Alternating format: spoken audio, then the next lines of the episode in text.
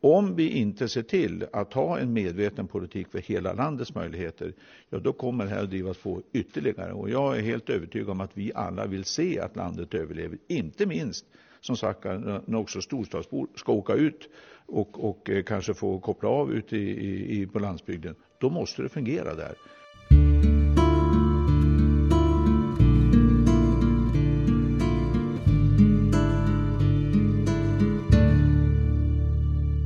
Haha! Motherfucking Prepperpodden, motherfucking avsnitt nummer 15. Det har tagit sjukt lång tid det här. Nästan 300 dagar, eller drygt 7000 timmar. För er som känner mig personligen vet nog varför det har tagit så här lång tid. För er andra så, ja, jag har råkat snubbla på ett nytt jobb som är heltid på sådär konstiga tider som ja, normala människor jobbar. För mig har det varit en enorm omställning mot mina år i alla möjliga sorters skiftarbeten, deltidsarbeten, icke-arbete och eh, liknande. Väldigt konstiga grejer. Eh, jag har kul som fan på jobbet mestadels av tiden, men energin är noll och ingen övrig tid. Jag, jag, har, jag orkar bara inte. Det blir sakta bättre och jag tror att jag är återhämtad till någon slags normalfunktion om eh, något halvår eller så. Hur normal min skalle nu kan bli efter allt. I eh, somras passade jag även på att göra en underbar femveckorsresa till USA med några kära vänner. Och inte ens bilderna därifrån har kommit ut på nätet än. För att jag inte bara krastinerar utan krastinerar som ett pro. Om eh, du vill titta på det som har kommit ut av de bilderna och det som kommer att komma av de bilderna så ramla över till Instagramkontot Lundvall Travels och det är L-U-N-D W-A-L-L T-R-A-V-E-L-S på Instagram som Instagramkonton brukar vara. Om du vill ehm, Ja, om du vill helt enkelt. I USA ska jag även intervjua en prepper till den här podden men nej, det sket sig rätt rejält. Mer om varför i ett annat avsnitt speciellt dedikerad till varför det där och sånt. Eh, för några veckor sedan i alla fall så bestämde jag med eh, min vän Gabriella och hennes make och eh, vår gemensamma vän Andreas som även känner som urvaken It's alive! Att åka upp till Värmlands djupa skogar och göra ett gemensamt besök hemma hos Gabriella och sagda make och prata om hur det är att flytta ut på landet från storstaden som de har gjort kontra att sakta röra sig från en mindre stad mot en bol som ska bli permanentboende som i Andreas fall med Bol Norr. Jag tror att ni kommer gilla att lyssna på vårt samtal. Men först så skulle jag ge några ord från våra vänner på prepperbutiken.se Eftersom de massivt gillar Prepperpoddens lyssnare Men minst lika mycket ogillar den här jävla stressen som har allt med mellandagsrea Att göra. Så eh, De dumpar priserna på precis all mat fram till slutet på januari För dig som lyssnar på det här. 15% på precis allt käk inkluderat frystorkat om du använder koden nyårsprepp. Så in på prepperbutiken.se och handla loss men eh, med det sagt så kör vi va? Aldrig blir det bra alltså. Är det inte ena så är det andra. Eh, då sitter vi här i Gabriellas kök. Uppe i de värmländska skogarna. Det är en del skog i alla fall omkring här. Och lite snö på gång i luften. Här sitter jag ju med eh, den meste eh, deltagaren i Prepperpodden, Andreas. Eller urvakan som, känner, som ni känner honom som. Och eh, han har ju pratat mycket om Bol Norr, som vi vet om. Det är ett långt projekt som sakta men säkert håller på att bli en eh, fast bostad. Medan Gabriella och hennes man har sålde sitt radhus i, eh, i Stockholmsförorten och drog åt helvete helt enkelt. Först hyrde ett hus lite mer eh, civiliserat och nu är torp lite mer ute i ingenstans. Även när det till kommunikation och så här så är det ganska mycket sådär slutet på vägen lite grann. Um, uppe på en höjd med bra skyttesikt mot alla håll. uh, och jag tänkte att vi skulle prata om hur det är att flytta från storstan eller småstan och ut till ingenting. Egentligen, där det inte finns någon runt hörnet service liksom. Det finns inte, händer någonting så får man klara sig lite själv kanske. Även om det inte är svårt att få hit en polisbil eller ambulans på en halvtimme kanske. Eh, det är just det att man får vara lite mer eh, använda sig av nöden är uppfinningarnas moder och, och lösa saker själv. Men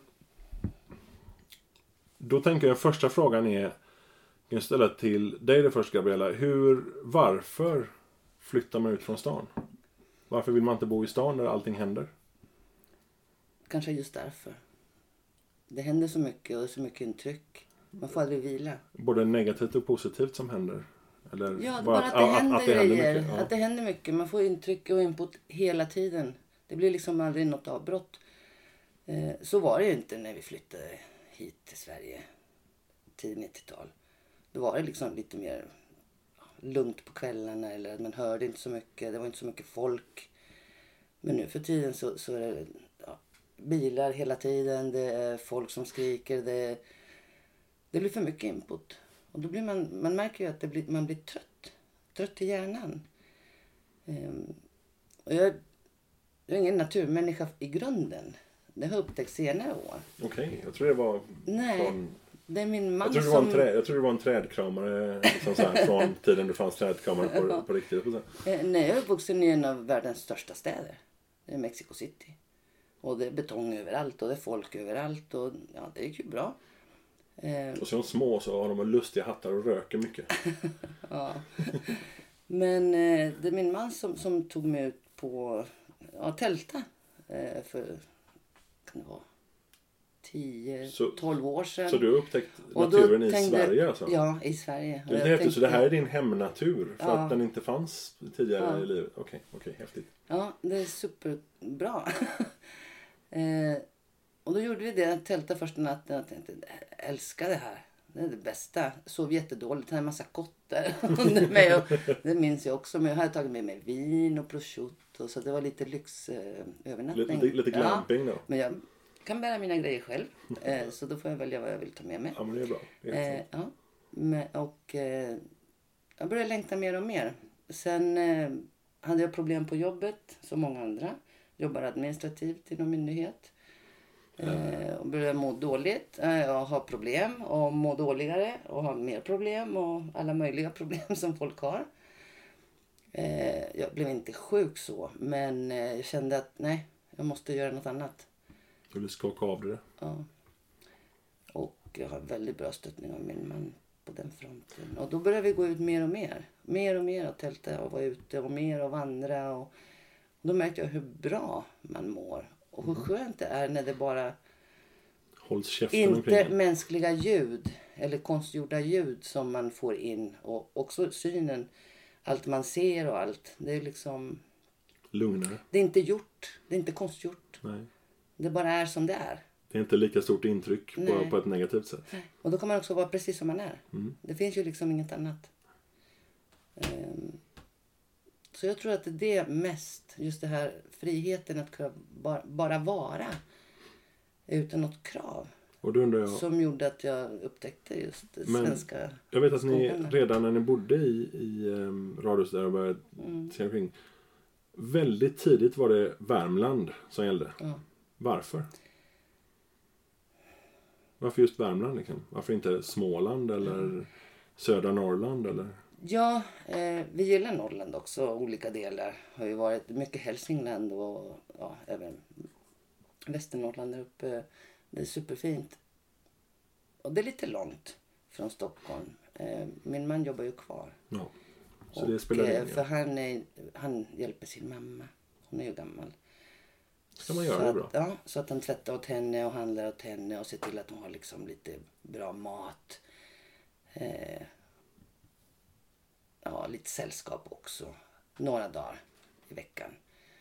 Um, och då kan det inte vara så långt att pendla fram och tillbaka varje vecka. Nej, det blir nej, jättejobbigt det i längden. Så han veckopendlar? Så han veckopendlar. Mm. Men han pendlar mindre timmar eller färre timmar nu i veckan än han gjorde tidigare. När ni bodde i förorten? Ja. Okej, ja det, det, är lite löjligt faktiskt. Ja det är det. För tidigare var det mellan 10 och 12 timmar i veckan. Mm. Och nu är det 8. Jag, jag minns, ju, minns ju själv när jag bodde i Stockholm ett kort tag så bodde jag i Bromma och jobbade i Kista. Och det är ju jättenära varandra. Men jag var ju tvungen att åka in till T-centralen och sen slåss med två miljarder andra människor. Och det tog ju över en timme till jobbet. Ja. Och det är sinnessjukt. Med bil hade det tagit en kvart. Mm. Kanske inte numera men då hade det gjort det. Så, så, det... så ni, ni hamnar här i Värmland. Ja. Och nu hyr ni ett hus. Eller ett torp ska vi kalla det. Ja, det är torp eller... Ja, men det här är väl typiskt torp va? Ja. ja. torpaktigt litet hus. Ja, precis. Ja. Ehm, och målet där är sen att ni ska köpa ett hus. Ja, vi har ju letat länge. Ja, ja. över tre år nu. Ja. Ehm. Det, det är ett mål. Så, och medan du då Andreas, du har eh, sakta men säkert byggt upp det som jag har läst och hört mycket om Bol Norr. Yep. Eh, du var ju faktiskt med medverkade i första avsnittet någonsin av Prepparpodden. Vi satt där uppe i mm. ljuset av, eh, av, vad heter de? Fotogenlampor. Fotogenlampor ja. Mm. Ja, jag myste. Eh, och ehm, du har ju tagit approachen inte med att typ så här, fuck this shit och sålt allting och dragit upp till Värmland. Utan du har ju tagit approachen att du köpte det osett dessutom. ja. eh, vilket är lite vågat. Eh, och sen åkte du dit och tittade på det och såg hur illa det var. Precis. Eller bra det var. Och sen så har du Både du och jag har skrivit mycket på våra respektive bloggar om livsval och framtiden och olika, att det händer olika saker som spelar roll hit och dit. Mm. Eh, och för dig var det ett stort livsval när du separerade då från din dåvarande sambo. Yeah. Då ändrade om ganska mycket och det har du skrivit ja, kilometervis om. Det är ju jätteintressant att läsa. Det är ju lite tråkigt eh, att det har hänt men det blir ju bra. Ja, det är, det är alltid så med stora livsomvälvande händelser att man tänker att ja, men, det här är det kan inte bli värre än så här och det kommer aldrig föra något gott med sig. När man står mitt i det är det väldigt svårt att se ljuset i tunneln. Men det, det finns ju faktiskt en, en positiv sida av förändringar också. Även mm. om man kanske är väldigt konservativ som människa. Att man ogärna vill att de ska ske. Då. Men de förändringarna förde ju faktiskt någonting positivt med sig. Att du får jag... bestämma själv till exempel? Alltså det var ju inte det största problemet jag hade, om vi säger så. Men men det förde ju faktiskt med sig att jag hittade det här stället uppe i, i Norrland där jag numera tänker husera mm. och, och, leva resten av mitt liv om allt går som det ska. Ehm, och det hade jag ju ingen aning om innan så att säga. Då var ju min, andra, min plan då det var ju att bo i villakvarteret i den lilla småstaden. Ja, ehm, och liksom, ja. Men eh, saker händer.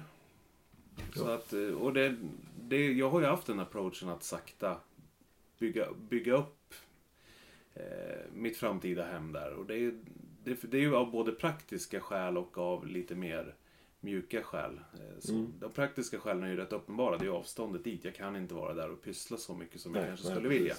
Men det är också väldigt praktiskt har jag sett när jag tar på mig, eller tittar i backspegeln så, så har jag kunnat sakta planera och fundera kring hur jag vill forma och, och omgruppera tankarna också. Ja, och omvärdera och, ja. och liksom hitta nya prioriteringar.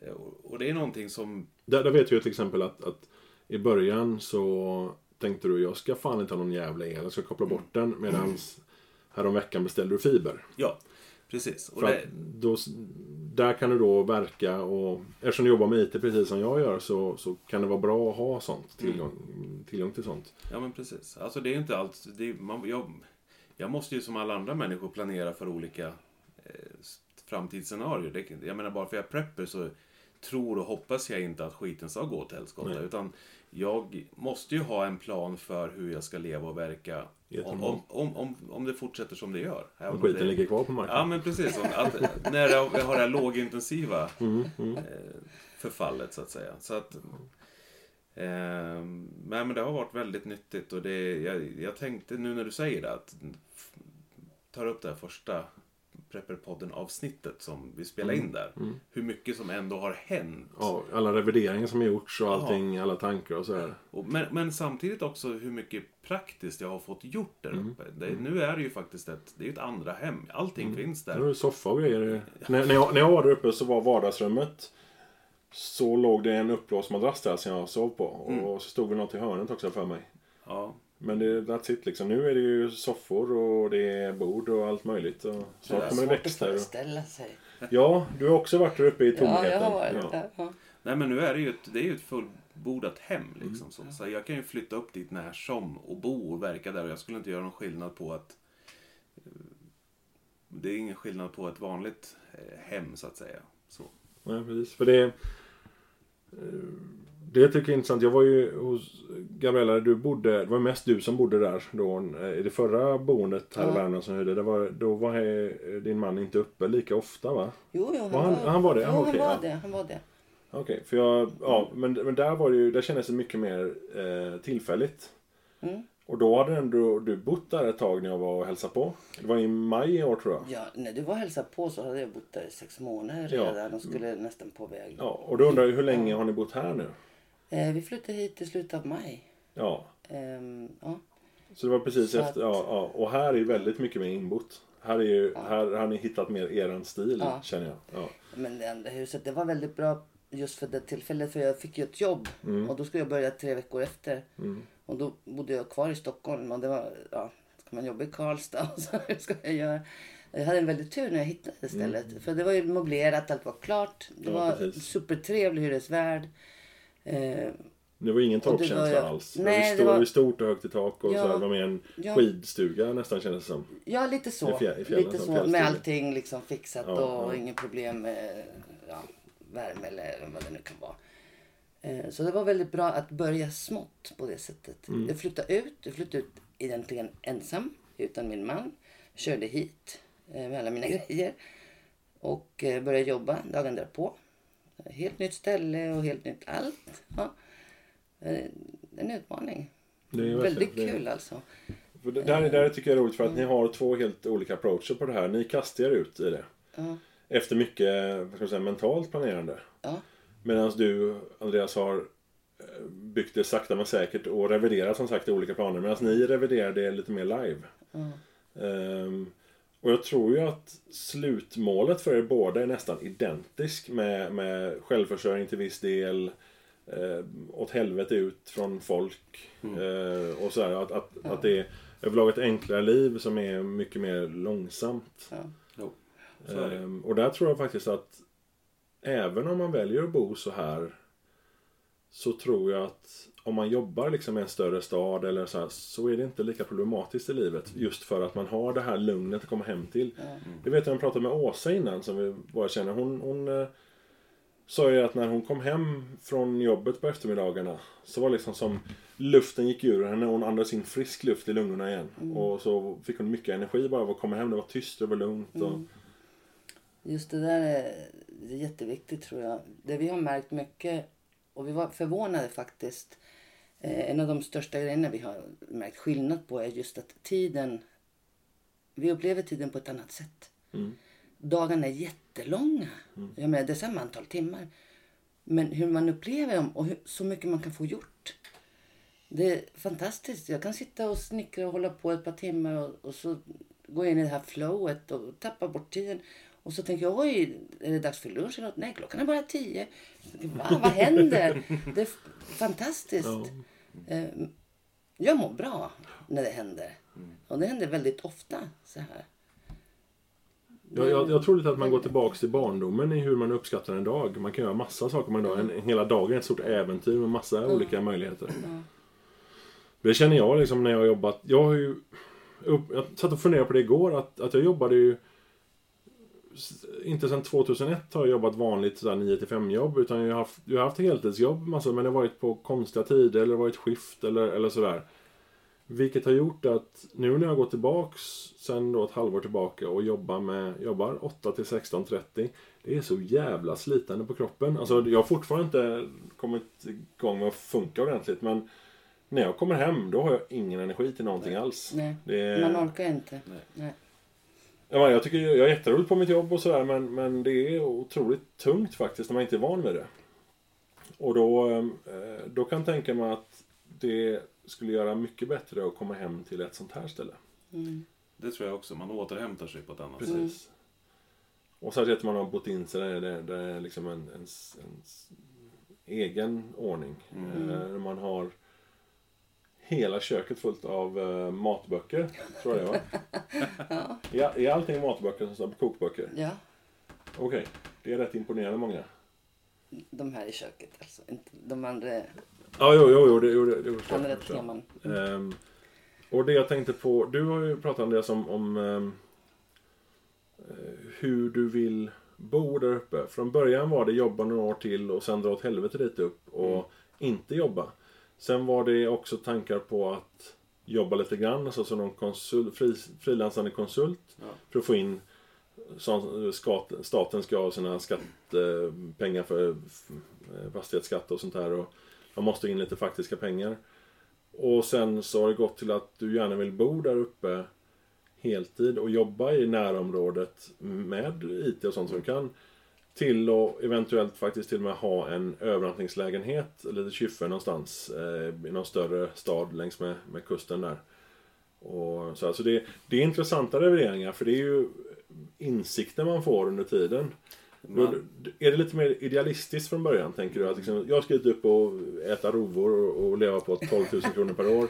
Eller är det, liksom att, liksom att, är det, är det insikten som har fått dig att, att revidera den eller är det verkligheten som kommer sin kalla blöta gubbpenis och slår dig i ansiktet liksom, att du måste tjäna lite pengar i alla fall? Nej men alltså det är, inte, det är, inte, en, det är inte en faktor som spelar in utan det där är Det handlar om vilket sätt får jag ut mest i slutändan? Mm. Alltså när allting är sagt och gjort, var har jag fått ut mest av min insatta tid och energi så att mm. säga? Och visst kan man gå den hårda vägen och bara dra åt helvete och, och liksom köra och leva det som, eller försöka leva av det jorden mm. ger så att säga. Men frågan är om det är det effektivaste sättet på att nå samma mål eller om jag istället kan jobba och sen köpa mig fördelar i form av bättre verktyg, bättre förutsättningar. Eh, Bygga sen, solcellsbanker och, och, batteribankar och, ja. och liksom att man...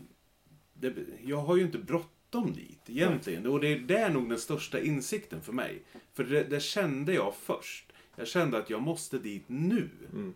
Medans ju, det var en slags panik, du ville bort från alltihop. Ja men det var det och det, det var nog väldigt mycket med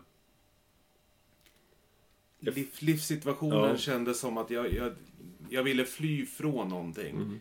Men nu vill jag fly till någonting. Mm. Och den skillnaden är väldigt eh, betydande i, hur jag ser det.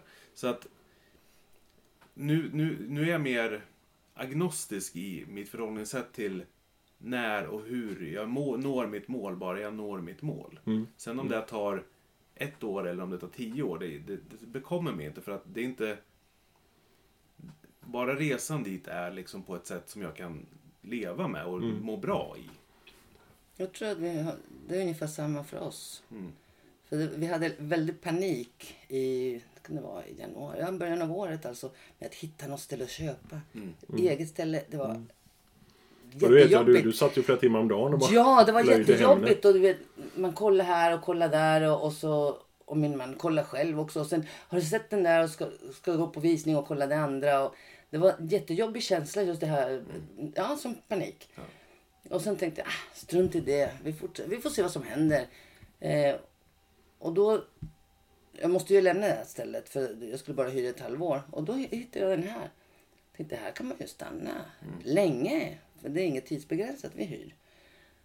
Och då har vi lugnat ner oss mm. jättemycket med att hitta eget. Det, det känns så pass bra här. Mm. Där har ni en likhet med, med, med nykterheten i konfronten. Ni kan börja känna på precis vilka saker ni vill ha ut av ett boende. Ja. Och, vad ni, vad ni och ni mm. kan göra det live här mm. varje dag och du kan göra det så fort du är där uppe. Och du vet jag att du har tweakat en massa, både, som jag sa innan om, om ström versus fiber och, och, så här. Du har tweakat en massa andra små saker också. Har du börjat fundera på lösningen med toalett? För idag har du en sån elektrisk toalett från vad är en sent 70-tal tror jag Ja, tidigt 80-tal. Ja, ja.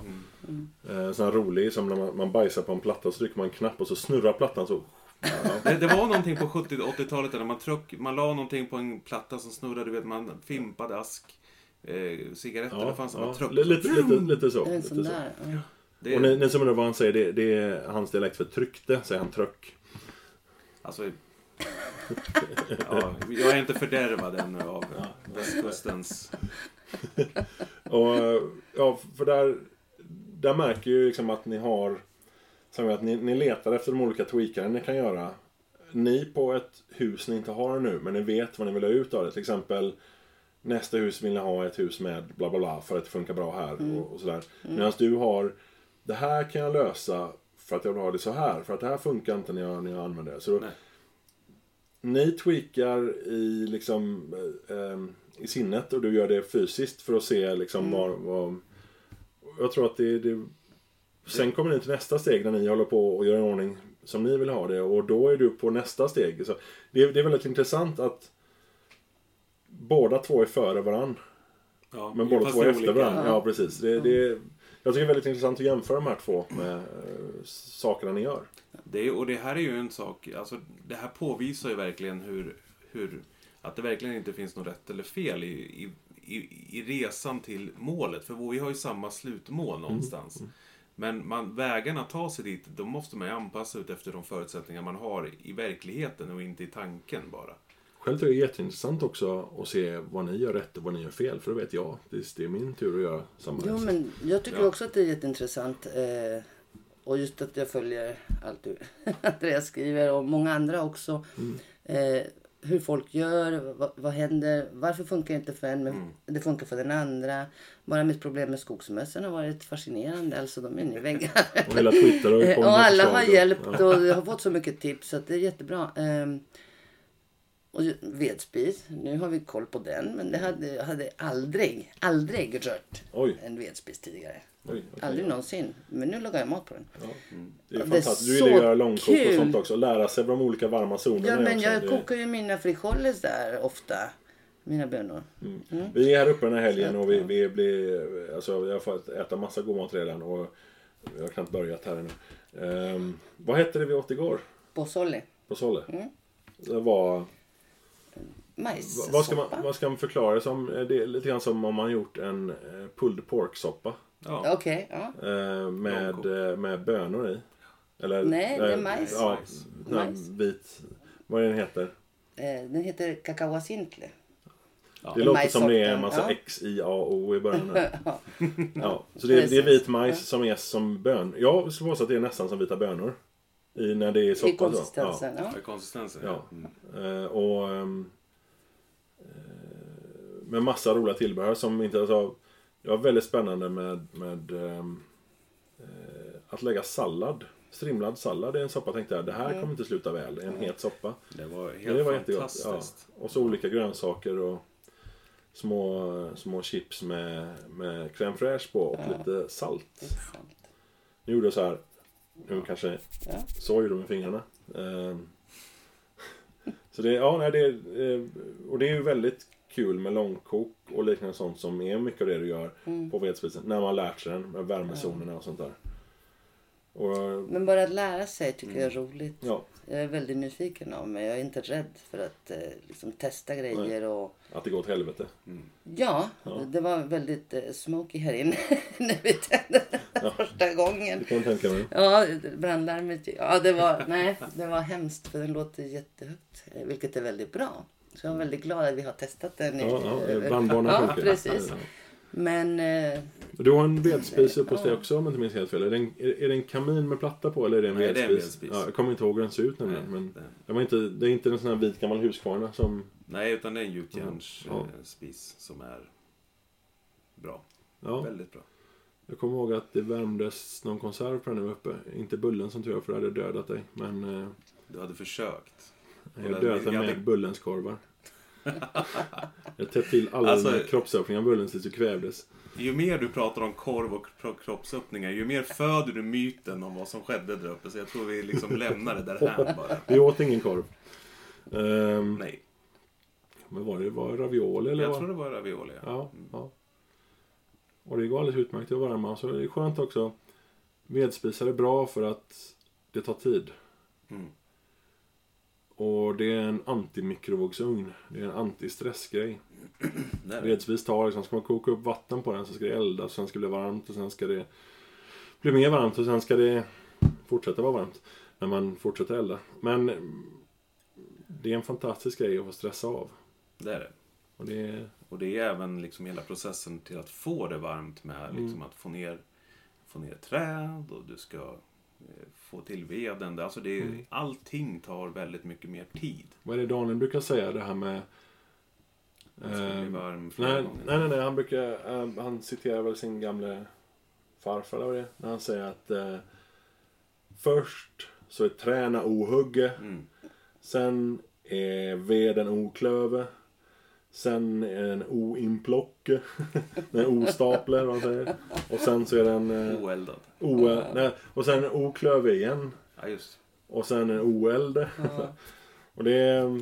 Det, ja, men det är så. Det är sant. det, det är en jätteprocess och det är, det är det här som som du säger, det, det fungerar verkligen som ett motmedel, ett motmedel mot den stressiga värld det- vi lever i. Kan bara ta tid. Det Det- går, det går inte att Du inte ta kan tid. inte fuska liksom. Nej, Ja, och Du det- kan ju åka ner till OK och köpa en, Ja. en påse ved, men Det är inte hållbart ekonomiskt. nej, det blir väldigt dyrt. Och likadant man ska ha veden, den ska läggas in innan midsommar Mm. för att användas vintern efteråt, alltså ett och ett halvt år senare. Och ehm, där är ju lite grann samma med övrig självhushållning, att det tar tid och det tar tid att odla med lägga. Vi satt och pratade här om, igår om, om han amerikanen Justin Rhodes som eh, back in the day var lite roligare än han är nu. Eh, Men han har en YouTube-kanal där han har visat att det går att få 70% av maten till en familj på fy, förlåt mig, fem pers. Eh, 70% av maten på 10 timmars arbete i veckan. Mm. Och det är rätt fascinerande då. Och där, där handlar det mycket om att låta, för mycket av odlingen och, så, och djurhållning och sånt som vi har, gör traditionellt i Sverige även liksom, nu, eller på, på senare år har ju varit där arbetar man mot naturen hela tiden istället för att arbeta med naturen, utan naturen jobbar för en. Och det är ju faktiskt en väldigt stor skillnad i tidsåtgång. Absolut. Och så, det måste ju... Någonstans måste livet få ta tid. Känner man. Ja, det är mycket det vi har tappat Mm. i våra moderna samhällen tycker jag. Det är inte så att jag är antimodern. jag älskar IT, älskar teknik och sådana grejer. Men ändå så, så kanske man, man mår kanske inte så bra av det hela Nej. tiden. Nej, precis. Och det här att saker och ting tar tid. Men tiden är också annorlunda som jag sa. Det, det, det ryms. Mm. Man får tid för det. När man inte har det andra. Precis. Det är väldigt märkligt. Men det, jag älskar det där. Ja. Bara tänka och sitta och tänka och lyssna. Jag tror det handlar mycket Det- om att, vi diskuterade lite grann där också när vi förut här att att hitta tillbaka till vad det är att vara människa lite grann. Och det blir ju, låter ju väldigt eh, livsåskådande och väldigt djupt så. Men det, det, egentligen så tror jag man, jag tror man glömmer bort att stanna upp och reflektera över vad man håller på med egentligen. Utan allting går bara på automation i våra liv också. Alltså det är, man är inne i ekorrhjulet och, och man stannar aldrig upp för att reflektera över vad det är vi gör. Där är ju ekorrhjulet rätt intressant att det är en standard som inte följer någon logik alls. Nej, precis. Det här med liksom, som vi pratade om, om att Åtta vara timmars- åtta timmars sömn, åtta timmars arbete och sen åtta timmars... Eh, Fritid. Men Ja, det är inte fritid. Nej. Det, Nej. mesta, det mesta använder man för att förbereda sig för jobbet Ja. och klara sig liksom hygien och städ och allt det andra. Så det är inte, egentligen är det inte fritid. nej, och det, är- det är en sjuk jävla samhällsutveckling att det ska vara så. Det är bara att säga nej så tack. det. Men det är, ju, det är ju det många människor glömmer bort också. Vi har ju faktiskt det. Vi kan ju göra det aktiva valet att inte leva livet så. Mm. Det är bara att människor verkar inte vara, eller verkar ofta inte vara beredda att ta konsekvenserna av att ge avkall på eh, den, den inkomstbortfallet som det oftast innebär i ett första läge. Du kan köpa massa skit de egentligen inte vill ha. nej, för att imponera på människor man Ja, inte tycker om. pengar man inte Alla såna här grillpappor. Och titta på min fina, fina nya grill som jag köpt för 40 000. Och så här, är du dum i huvudet? Jag kan göra lika god mat på en liten jävla eh, sån eh, klotgrill för 99 spänn från Jula som du kan göra på den här grillen. För att du kan göra mer åt gången. Precis, och det är, det är ju just det, är just det här som folk verkar... Man, man, det blir som en masshysteri, masspsykos. Att Man måste ha den senaste iPhonen, man måste ha 4018 streamingtjänster och man måste ha så mycket. Men egentligen så måste man inte ha någonting alls av det. Nej. Utan man, man måste bara börja tänka på livet utifrån ett annat perspektiv. Att livet är så mycket mer än där du, där du tillfredsställer ditt eh, nöjesbehov med. Precis. Ja, det är, jag, jag kör ju Netflix. Och jag känner att jag har varvat det lite grann nu. Även om det kommer väldigt mycket nytt så kanske inte riktigt värt det. Men då är det bra att ha som man delar med flera andra. Det är fördelaktigt ekonomiskt också. Men det har jag också. Men jag Och kollar Liksom, jag kör Netflix, jag, jag kör Spotify. Ehm, och det inser jag att jag lyssnade bara på 6000 låtar förra året. Det är inte vidare Ja. mycket på ett år. Man lyssnar mycket på musik. Jag inser att jag lyssnar ju så bara på Spotify när jag sitter i bilen. Men det, det, är, det är återigen det här med att, att kunna byta ut någonting som kostar pengar som gör att du måste springa ekorrhjulet mot någonting som inte kostar pengar Precis. som gör att du faktiskt kan köpa dig själv tid. Ja, till exempel ladda hem piratfilm. Ja, ja, och- men varför MP3. inte? Ja, Ja, det- om, om man nu tycker det är liksom, om det är så viktigt att, Precis. att ha den, den nöjes, eh, eller den eh, Tillgången, kulturtillgången. ja. Men du kan ju lika väl lära dig spela gitarr idag. Det kostar dig ingenting. Mm. Men sen känner jag också att jag lägger idag eh, på eh, mobil och alltså sådär med, med, streamingtjänster. Jag lägger under 500 spänn i månaden och jag har råd men det rör mig inte. Vi har ganska få utgifter i övrigt. Och jag skulle klara mig utan det också. Om jag ville men jag vill inte det. Nej. Och då är, det liksom så här, då är det en prioritering från min sida och då känner jag att det finns folk som, som lägger uh, tusenlappar i månaden på att spela golf. Ja, men man får Det- välja själv. Ja, precis. Det är det, som är så att- viktigt. Att, ja, Man måste kunna välja själv. Ja. Det är bara det att när man alla väljer fotboll, trycker man på en och när allt ska vara samma Precis. och det, hela samhället trycker på en och det, Den här det där man blir... jan- Jag, jag går jantekollektivismen liksom, liksom. tvärtom. Ja, Eh, Lämna mig i fred. Ja. Låt mig göra vad jag vill. precis. Eh, Men sen folk har lite svårt för det där. Folk har svårt att Eh, säga stopp och folk har svårt ja. att förstå att man behöver inte ha det nyaste av allting. Och, och och folk har för svårt att säga håll käften till andra människor. Ja. Men Det, jag det, tycker det också borde att- sägas mer på ett bra sätt eller ett dåligt sätt. Men borde säga, nu snöar det ute för övrigt. Nej, Nu alltså, har regnet gått över till Ja. regnblandat snö. Nej, jag tycker att folk har svårt att acceptera att man väljer själv Mm. och väljer ett an, en annan väg. För att vissa människor jag känner har blivit väldigt upprörda Mm. för jag flyttade hit. Ja. Inte kan du bo ensam här uppe. Hur ska, nej men hur, vad, ska du inte jobba heltid? Nej. Hur ska du klara det? Vad gör du där ute i mörkret? Lite så. Nej, och, Eh. och jag tror det grundar sig i en avundsjuka. Ja, att man vågar. Nej, och, och en rädsla för att det okända, att man inte vågar. Det, Ja, är, det är egentligen jo. samma sak om man snackar politik och avviker från normen så blir det ett jävla liv på folk. Och det är ju faktiskt så här, men det är ju min åsikt. Ja. Ja, och, och det är det. Jag, jag tycker att man måste respektera att Mm. människor väljer olika. Du väljer Spotify. Jag har ingen Spotify, men det har min man. Men det har inte jag, för jag behöver inte. Mm. Nej. Jag har liksom inget behov av det. Å andra sidan sitter jag jätteglad att jag kunde spara lite pengar för att hitta en massa virke här när vi flyttade hit. På olika ställen som jag har återanvänt. Och så behövde jag ett arbetsbord. Så det har jag snickrat ihop själv. Kostar ingenting. Jag har återanvänt eh, till och med eh, spikarna. Så att det kostar noll alltså. Bara tid. Men tid har jag nu Precis. för det. Så att det, det jämnar ut sig. Skulle jag jobba en hel dag för att köpa ett bord? Ja, Eller ska jag exakt. lägga ner den dagen till att snickra ihop det Ja, Men det är, det är precis den prioriteringen som människor... Så. För idag finns... Om, om man generaliserar så verkar människor bara tycka att det finns bara ett sätt att Ja. tillskansa sig någonting och det är att jobba för att sen köpa någonting. Men man kan faktiskt, det finns andra alternativ. Ja. Eller bara om man, om man vill ha färdiga produkter. Eh, Blocket. Sök på Bortskänkes i, i närliggande län där du bor och du kan alltså, utan problem fylla en hel lägenhet, en tom lägenhet med möbler. Som är bra möbler. Det var ju någon idiot som skänkte bort en, en eh, sex år gammal hästensäng.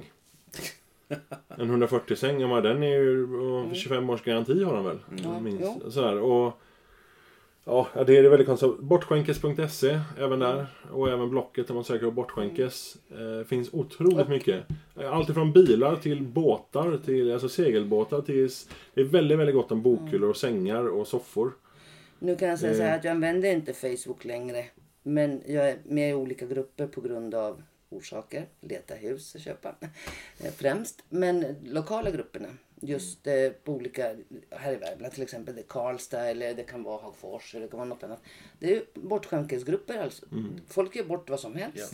Plattor för där ute eller om det är någon, ja, delar till någon spis eller allt Eller en hel liten stuga som man bara får slå bort. Ja, men de behöver köpa mark. Det är som, ja. Ja, precis. Ah. Så det, det, det finns ju väldigt mycket man kan göra istället för att bara dumkonsumera. Men jag också, jag gillar också tekniska prylar. Men jag har en telefon som jag valde för att den var extremt bra att fota med. Det gör Alltså jag, jag tycker bara jag har liksom en, en telefon som man kan fota med, liksom och slippa med sig kamera. Och eh, i övrigt bara så praktiska prylar jag ha, men i övrigt så nej. Eller liksom alltid ha en ny bil. Varför då? Mm. Alltså, vad, eh, ska du imponera på grannarna eller vad? Om man bor så här har man inga grannar. Ingen att imponera på. Nej. Utan det får man ju tänka mer praktiskt, liksom att den ska hålla. Ja. Det, är, det finns många aspekter på hur jävla korkat det är hur vi lever generellt idag. Jo men så är det ju. Det, Och det värsta av allt är ju att det sättet vi lever på verkar ju öka. Eh, i, I dumhet. Nej, men det, verkar, det, det ökar ju på eh, sjukskrivningar och, och Ja. vi tappar i välmående hela tiden. Absolut. Alltså människor mår sämre och sämre, särskilt psykiskt. Man, Mm. man är stressad, man är deprimerad. Och det försöker man ju Och det döva. försöker man kompensera och döva Ja. genom att konsumera och eh, liksom tillfredsställa de behoven på helt galna sätt. Ja. Istället för att stanna upp och reflektera. Och, ja, men vad, är det vi, vad är det vi håller på med egentligen? Bryt rotorsaken. Lindra inte symptomen. Nej, men det är ju inte ekorrens fel att det är ett hjul där. Om man väljer att sitta i det. Mm.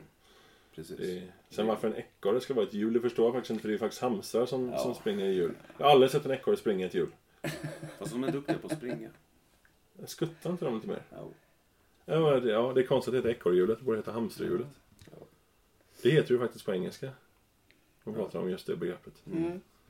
Det är Det är ekorre. Lost in translation. Ja, väldigt, väldigt konstigt. Eh, hur, ehm, hur tycker ni, apropå det här, hur tycker ni att ert liv har förändrats liksom i livslunken? I, i stressnivån eh, sådär, bara av att ta beslutet? Blir det en ändring redan där? Att Beslutet att nu ska jag dra åt helvete så småningom.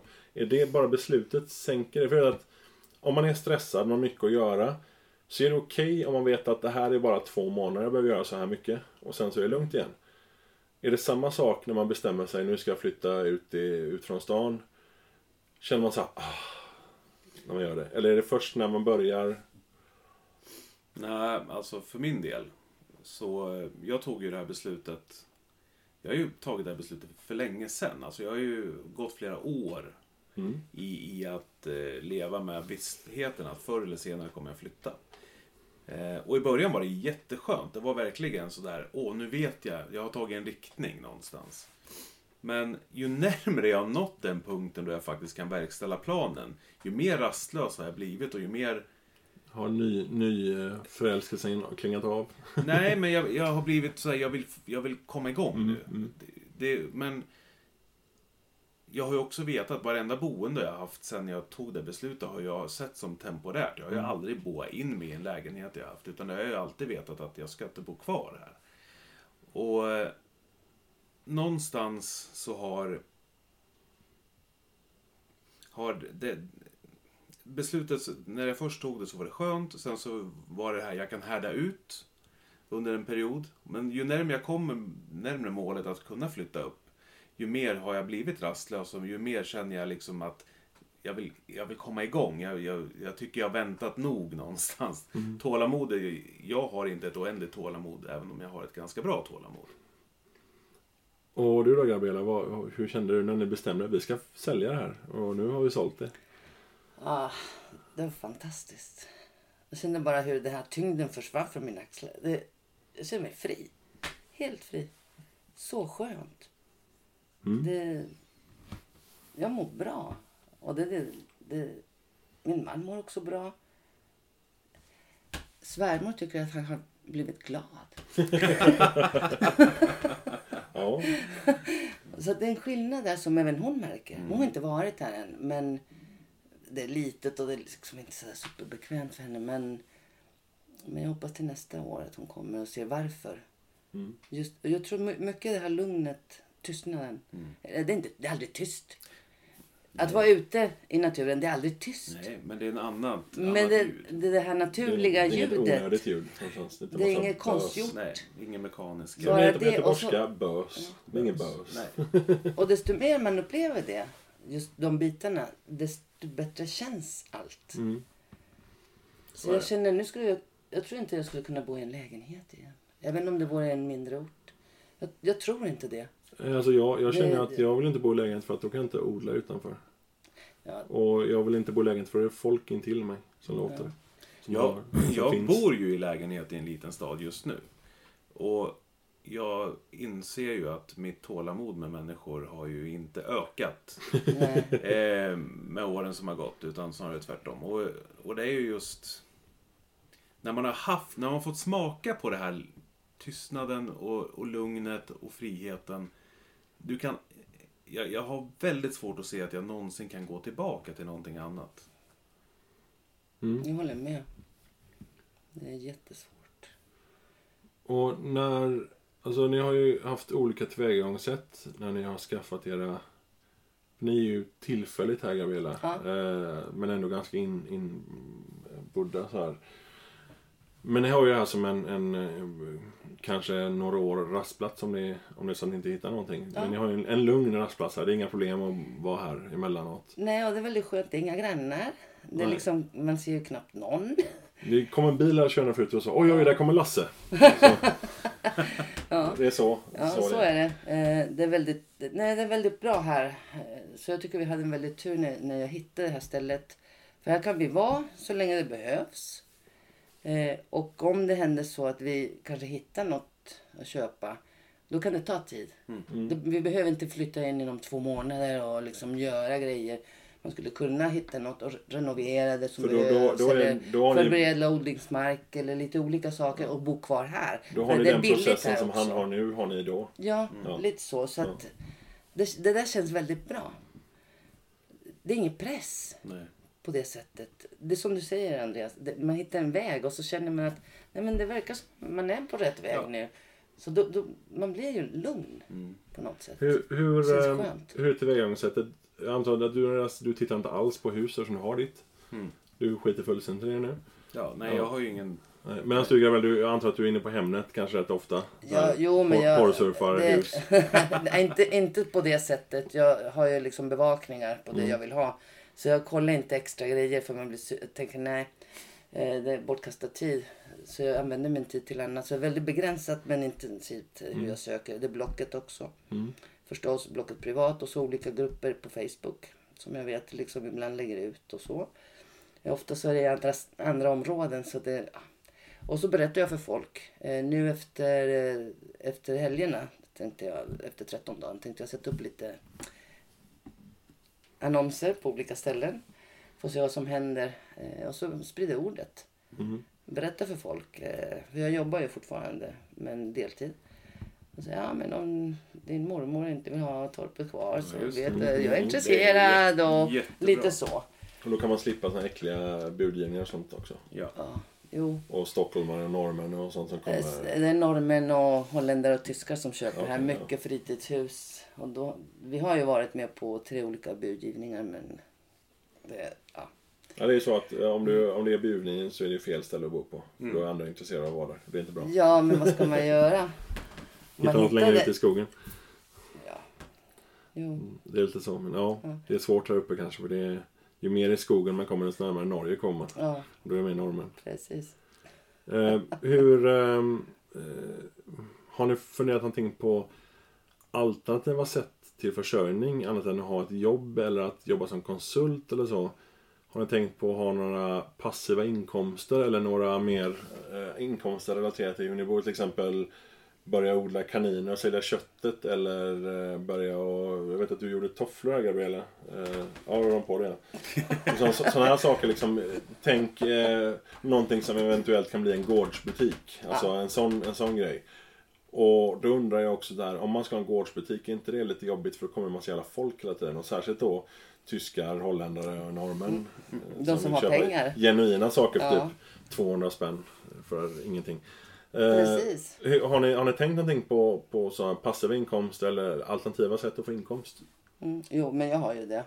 Jag har ju det. Eh, min man jobbar ju och han vill gärna jobba kvar som han gör för han, han gillar jobbet. Mm, alltså, mm. Han tycker om det, han trivs och det får han gärna göra. Mm. Eh, det är jag som är problemet. eller, in, eller inte. Men den drivande kraften kan man säga. Eh, jo, jag har fler idéer. Eh, men jag vill nog inte prata om dem så mycket i detalj.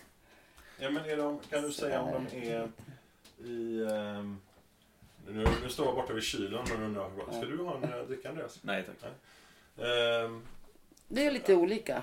Det kan vara hantverk och det kan just det här ja, med folk precis. kommer eller inte. Ja, men det är, det är saker som är, är relaterat till var du bor och hur du lever. Ja. Så det är hantverk och saker du, du gör liksom så. Eventuellt. Det, ja. ja, precis. Ja. Men, eh, och, men du har inte tänkt på någonting som är mer um, modernt, tekniskt, som står och rullar själv, typ någon sån här Google AdWords-sida och sånt också, där. Ja. Som står och rullar. Mm. För det kan vara intressanta sätt att få in eh, pengar utan att behöva göra så mycket ja, där. Precis. För just att man, man behöver bara få in lite mm. pengar. För de här hemska skatt, mm. statsskatterna och så här, ja. Och allt det där. Ja. Jo, men jag har fler idéer. Jag har bara inte hunnit tänka ut ordentligt. Det, blir, det händer jättemycket när man flyttar alltså. Mm. Jo, det, man får ju nya perspektiv på vad man kan sysselsätta sig med och vad som kan ge inkomst ja. också. Har du tänkt någonting på det? Eh. Ja, alltså jo det har jag ju massor men inte något konkret i och med att jag tror inte att jag är intresserad av att producera någonting på marken som jag själv inte konsumerar. Nej. Eh, så, utan då, då drar jag hellre ner på tiden att lägga ner på att få till en egen försörjning så att den blir skalenlig för mitt behov mm. och inte har ett överflöd i så fall. Eh, men nej, jag är ju inne på liksom i så fall att det är ju konsultsvängen. Att sakta få en övergång till att jobba mindre, bli mer självförsörjande och då måste mm. man nästan vara egenföretagare i någon form eller annan för att kunna mm. få till det. För det är väldigt svårt med en arbetsgivare där man säger ja men du den här månaden skulle jag vilja jobba 40% och nästa månad då vill jag jobba 80% eller vad det nu kan vara. Alltså det är väldigt svårt att hitta flexibla arbetsgivare som är på den nivån. Utan då får man nästan gå över att vara egenföretagare.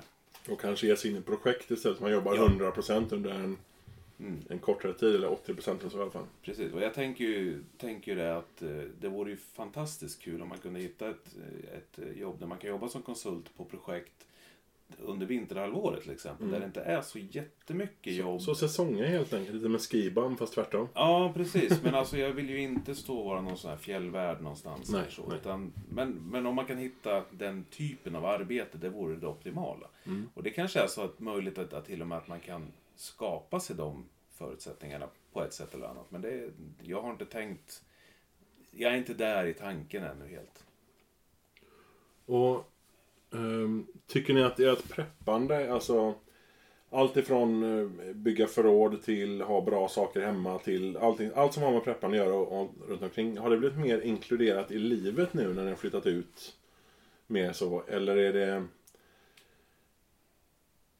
Det låter konstigt att preppers inte ska vara inkluderat i livet men, men eh, har det blivit mindre mindre av en hobby och mer av livet. Alltså ännu mer än vad det är innan. För det är fortfarande så att rätt mycket av preppandet tycker jag i alla fall sker lite grann som ett intresse, som en hobby, även om det är en livsstil. Så är det att det fortfarande är så att jag är prepper för att jag gör det här. Har det blivit mindre tänk så och mer att det här är bra att ha mat för vi kanske inte har ström på en vecka för att vi bor åt helvete. Alltså sådana saker, att det blir mer, att det blir mer som, ja det våra eh, förra generationen bara kallade livet. Mm. Liksom. Så är det ju. Alltså jag känner ju ganska tydligt hur, hur allting smälter ihop och det är svårare att särskilja en del av det. Alltså det blir ju någon form av, om man bryter ner det i beståndsdelar så har du preppingen, du har självförsörjningen, självhushållningen, du har någon form av återbrukstänk, du har någon form av eh, naturvård, skogsvård, alltså allting det där flyter bara ihop i en stor smältdegel. Och du kan inte säga längre att, eller jag kan inte säga att jag är bara prepper liksom. Det var väldigt länge sedan jag valde att använda det uttrycket på det sättet. Utan jag, är, jag lever mitt liv på ett sätt som jag vill leva och då inkluderar det alla de här bitarna mm. i, en, i en mosaik. Jag gillar det där som du sa, att det, det, har smält ihop. För jag håller med, det, det, har hänt oss också. Det är precis det jag menar, att det blir en, ja, blir en mer bara, del bara, av livet än Det är bara så det är. Det är ingenting att tänker på på det sättet som tidigare kanske när man tänkte på oj eh, förorten och vad kommer hända och något strömavbrott eller vad det nu är. Mm. Nu är det, ja, det blir helt integrerat på ett helt annat sätt. Precis. Och det, det märker jag en förskjutning i hur det var när jag började preppa för väldigt många år sedan nu. Då var det ju, då var det ju väldigt isolerat från mitt liv. Alltså, det var ju, det var, då handlade det mycket om att samla prylar och samla mat och bygga förråd och hela den biten. Men det där har ju, ju mer man har fått upp sitt förråd till en nivå man känner sig trygg med, då tappar man ju den, det fokuset. Det finns där och det är ju liksom jättebra att det finns där. Men man, man, man går vidare någonstans också och lär sig nya saker och jobbar mot nya mål. Det är ju kanske en, en ganska vanligt att um, folk börjar med vattendunkar och konserver och sådär och så inser de att de behöver gå mer till livsstil för mm. liksom, let's face it, det är bara eh, ha massa konserver och vatten hemma, det är ju bara en eh, Det är en buffert. Det är en buffert, en respit ja. liksom ja. till, till du kan göra saker själv och har man då inte så man kan göra någonting själv och det har jag ju sagt till alla att skaffa kontakter och se till så att du är välkommen på olika ställen beroende på åt vilket håll du behöver dra. För att det finns garanterat så att det alltid kommer finnas saker att göra för den som vill arbeta. Mm. Och precis som när du är konsult så ska du dra ihop dina egna pengar för att få din lön. Ja. Gör du inte det så är du inte värd att ha anställd som konsult. Nej. Vilket gör att om du bara sitter och latar dig. Jag tänker genast på den här fake dokusåpan, eh, vad heter den? Eh, Nedsläckt land. ja. ja. Hon, eh, vad var hon? Var hon UI... Eh, eh,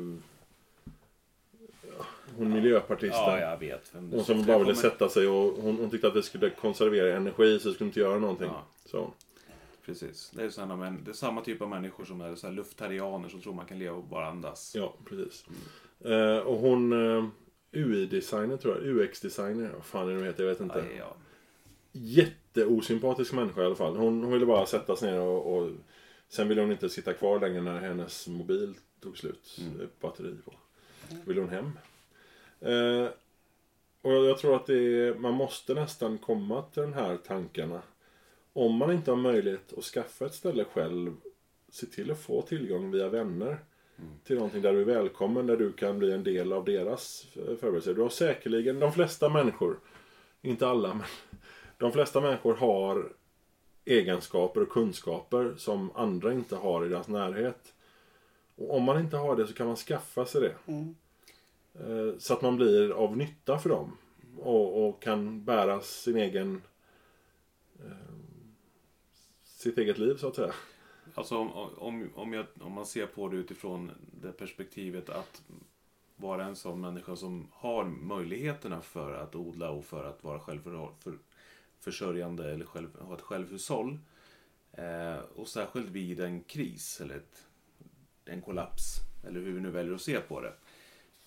Så, så, så är det ju också så att jag ser ju ett jättebehov av att behöva händer och fötter.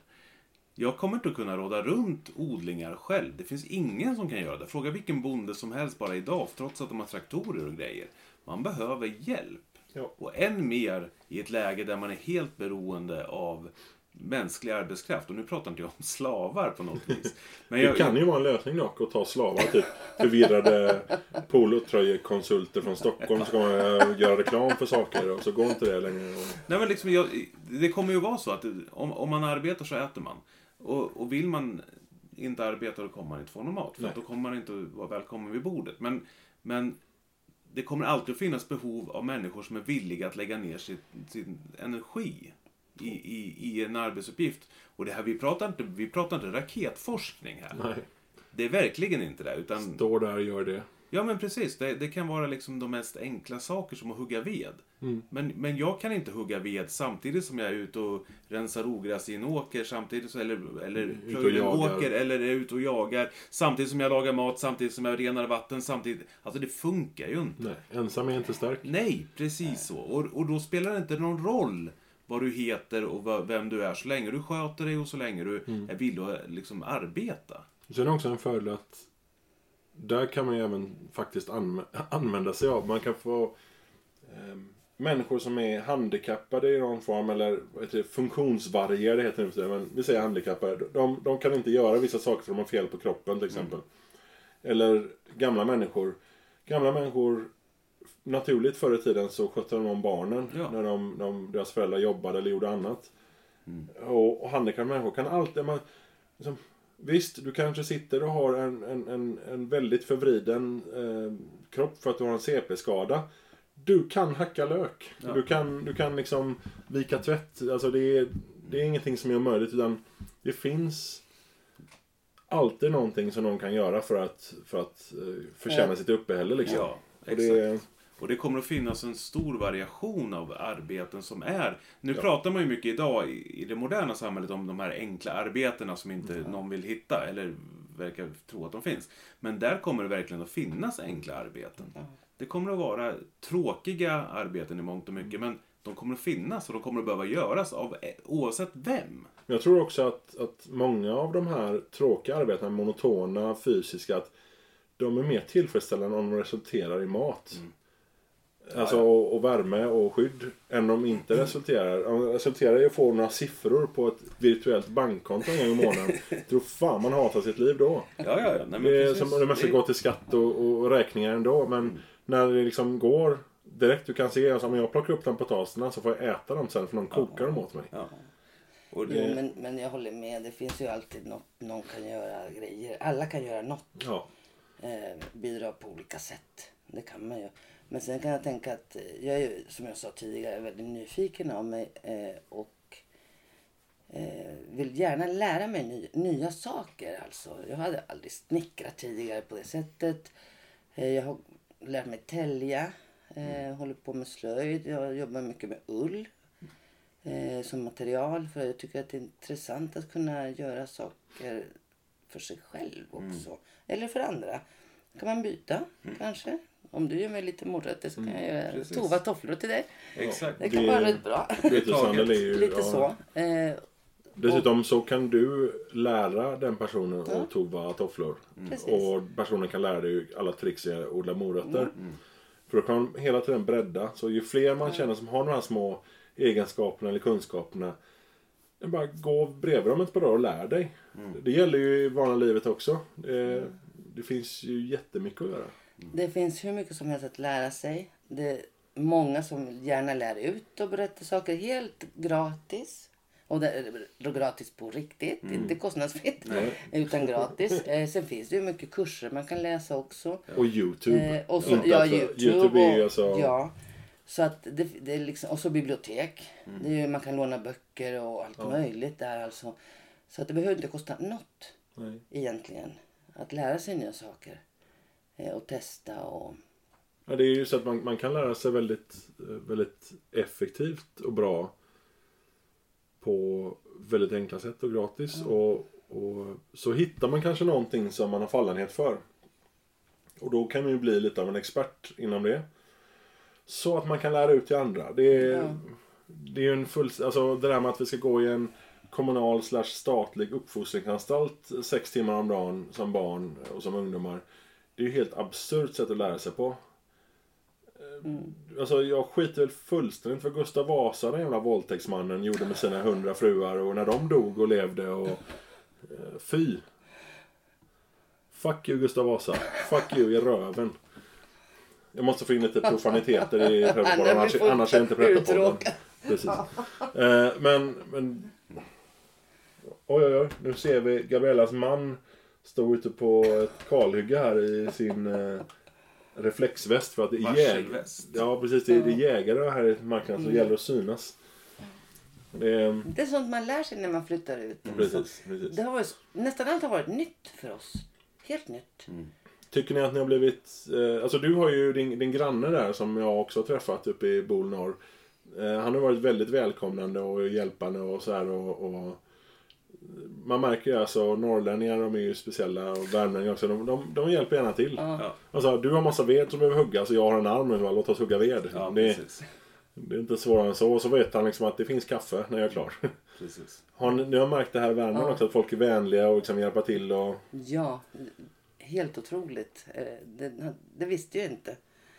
Jag tyvärr måste jag erkänna att jag trodde att eh, Det var dumma Stockholm lantisar. var Sverige. Innan jag kom ut. Oh. Eh, för vi hade inte rest in i landet Nej. tidigare och vi hade ingen bil och vi hade ingen sånt. När vi väl började komma ut tänkte vi, vi vet ju ingenting. Nej. Vi har bott här så länge och verkligen inte träffat någon. Eller gått ut och sett hur det verkligen är. Det är något helt annat. Så det, det är fantastiskt. Eh, Det är så skönt att eh, ja, få se verkligheten. Så Sverige är fantastiskt vill du säga. Ja, Gamla jo men det är det. Och människorna här, värmlänningarna, jag älskar dem. Eh, Som, det- jag berättade för er är förut eh, var ju ett hus i södra Norrland, ganska nära Bolnorr faktiskt. Och eh, jag stod där nu i förra hösten, stod på Tempo. Så var det två, tre pers före mig i kön och, och han i kassan han pratade och pratade och pratade. För den som tror att norrlänningen är tyst av sig, har ju fel. Eh, men han, han pratar liksom då, hur är det med den och hur mår mamma och bla bla bla. Så, så. Och jag tänkte liksom så här instinktivt bara att men för fan sluta prata, jag vill handla och gå härifrån. Tills jag inser att jag har inte bråttom.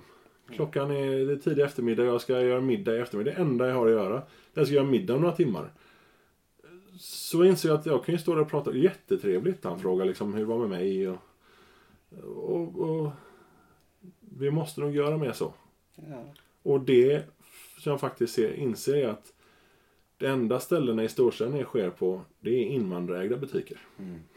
Det är det. Det är både med, med de som de har känt länge av, av samma härkomst som dem eller sådär, eller svenskan som handlar ofta. Det är, och det händer inte. Det är alltså en, en eh, ICA-kassörska idag är ju världens mest uttråkade, nästan handlingsförlamade, alltså hjärnförlamade människa som bara sitter där. Inte här. Pip, pip. Nej, nej, Nej, inte här. stort- Min I Ica en storstad, nej precis. den, den är här, pytteliten och här, här de är sitter så de och pratar Ja. och så. Jo, ja. Och det är så att, att, att där tror jag att framtiden är, ser väldigt, väldigt olika ut för olika, om, även om vi, vi bortser från eventuell liksom, eh, skit som träffar fläkten någon gång så tror jag att framtiden för en småstad, en storstad och landsbygden kommer vara helt vitt skilda. Och det är det nya klassamhället. Som inte behöver ha med ekonomisk klass att göra utan mer livsmedel, alltså liv, livsmedel, eh, livs, livs, eh, Kvalitet. livskvalitet. Ja, Det tror jag är helt övertygad om att det Ja. är också. jag håller med. Om man redan idag kan du se om man, om man hårdrar det så köper folk livskvalitet genom att åka åt helvete i Thailand eller någonting med några veckor för att ta bort allt det här vardagslunken. Och, och, och eh, rika människor köper sig, alltså då snackar vi snuskigt rika människor köper sig En ö. en ö eller liksom ett ställe, en, en lägenhet som är avskärmad från andra. Så de väljer att bo bland alla andra men skärma av sig. Det är väldigt, väldigt konstigt beteende. Eller jag förstår ju varför man skärmar av sig men varför inte låta bli att bo bland andra då? Det är, Men jag kan tycka så här, och det har vi pratat mycket om också, en sån där ja, insikt man får helt plötsligt. Tänker att vi, vi, vi känner att vi är privilegierade. mm, Att vi kan bo så här ja. på det här sättet och må så bra nu. Det är fantastiskt. Det är helt underbart alltså. Ja, det är, Så man, man blir ju tacksam ja, ja, verkligen. Jag kan, jag kan den möjligheten och att man har vågat göra det också. Mm, precis. Men det var ju en, en stor våg, gröna vågen på 70-talet. Men det sket ju sig mesta. Ja, fast den var ju väldigt idealiserande Ja. och glorifierande av livet på landet. Man, Och den var ju så, så himla färgad av hippiekulturen och den Mm. gröna vågen-rörelsen som var där. Med, med, det var inte bara liksom självhushåll Nej. och liksom leva nära naturen. Utan det var ju mycket... Näverkontar och... Ja, det var, det så var- mycket. Det var, den var ju väldigt... Den saknade all form av bas i verkligheten nästan. Praktiskt tänkande. Och där, där är ju där är ju Ja. hipsters ännu roligare. Vi har ju pratat om innan också att, att hipsters idag är att de vill göra saker med händerna till en milda grad. Att de går med skogshuggarskjortor och går Mm. på studiecirklar och får skrika för att de är så feminiserade män. Så att de inte får leva ut och vara män hemma. Och Nej. De, de gör saker med händerna. De har hönor på Södermalm och de ska hålla på med sitt jävla surdegsbröd. Och, Alla de här sakerna och det är ju bara ett rop på hjälp efter att vi gör någonting riktigt. För de är ju reklamare hela bunten. De sitter och, och så med IT, de sitter och gör ingenting. Precis. För vi som jobbar med IT, vi gör ju ingenting. Ingenting Nej. av det vi gör spelar någon roll när man drar en stor strömbrytare. Nej, det är, inte ett förbannat no. Det är liksom... Jag tror det är ett rop på hjälp. Eh, hitta det enklare, hitta det mer att man får ta i saker och göra saker och det ska vara handgjort hit och dit och hipsterbröd. Och, det... men, men eh, det är inte lätt. Det är inte lätt att, att sakta ner och sätta sig ner och verkligen fundera på vad vill man? Jo. Vad vill... Vad... Det är visst lätt. Okay, Folk ja. vågar inte. Nej, de Nej är... det är det. Man är rädd. Precis. Ja. När man, när man väl har nått den insikten ja. att det faktiskt går. Då är ju nästa steg att våga göra det. Ja. Och det är svårt. Och sen ska det passa med barnens dagisplatser på de här fina genusförskolorna på Södermalm. Och det ska passa med frun som, eller flickvän, eh, ja. Och mannen ska sluta jobba på reklambyrån och det är en hel, alltså... Ja men det är ju en livsomställning. De har, de har ju, de har ju liksom låst in sig så mycket när de ja. bor i stan. Man har, man är unga och har liksom du har lån på 4 miljoner på en lägenhet som du inte kan få sålt för 3 och sådär. Mm. Och det blir ju lite, lite hemskt. Så jag tycker att ni unga människor som lyssnar på, jag vet ett exempel en eh, kille som jag träffade på eh, en annan podcast liveinspelning. Som är militär uppe i... Fan var han i... Var han i, var han i Boden? Jag vet inte. Han var militär i alla fall. Och han bor fortfarande hemma i övrigt. Han var 19, 20 någonting. Mm. Han är lumpen och eh, han eh, undrar liksom så här, kan jag börja preppa när jag bor hemma? Så här, ja, det kan du absolut. Börja med att köpa några plastlådor som kan ha under sängen. Så kan du börja liksom lite smått. För då är du förberedd när du flyttar hemifrån. Mm. Och det öppnas lite där. Och jag tror att om du är ung och lyssnar på det här och tänker mycket på prepping och tänker på livet och sådär. Gör så istället för att hålla på och lägga undan 300-400 tusen till en till en eh, till ett vad heter det? Till ett lån. Alltså till, till handpenningen, insatsen, kontantinsatsen ja. på ett lån. Flytta lite. Tänk lite mer på vad du vill göra. Gå och läs något kul som du vill göra. Skit i vad föräldrarna tycker. Och gör det du tycker verkar roligt, som du, som du kan leva på. Ingen jävla genusvetenskap, något jävla idiotiskt. Utan det ska vara, liksom, vara en utbildning som kan, eller bara skit i en utbildning och börja jobba istället med det du tycker om. Gör det du vill och skaffa ett boende som du vill ha det. Du behöver inte, alltså det finns ju människor som är dumma i huvudet som går på krogen liksom fram tills de är 50 varje, varje dag och så här, men alltså när jag var, när jag var, när jag flyttade hemifrån var ung och skulle, då var det så här, jag ska krypa avstånd för krogen hem. Så här, ja det är viktigt i ett halvår tills du tröttnar på det. Och då kanske det är bättre att våga tänka lite längre. Tänk lite sovjetiskt, tänk lite 25-årsplan. Mm. Tänk på hur du vill ha det och så vidare. Och utgå från det. Redan från början. Sen ska man ju också vara tydlig med att de som är unga, för att både jag och Gabriella har ju barn som är i Unga. Twin, twins, eller ja.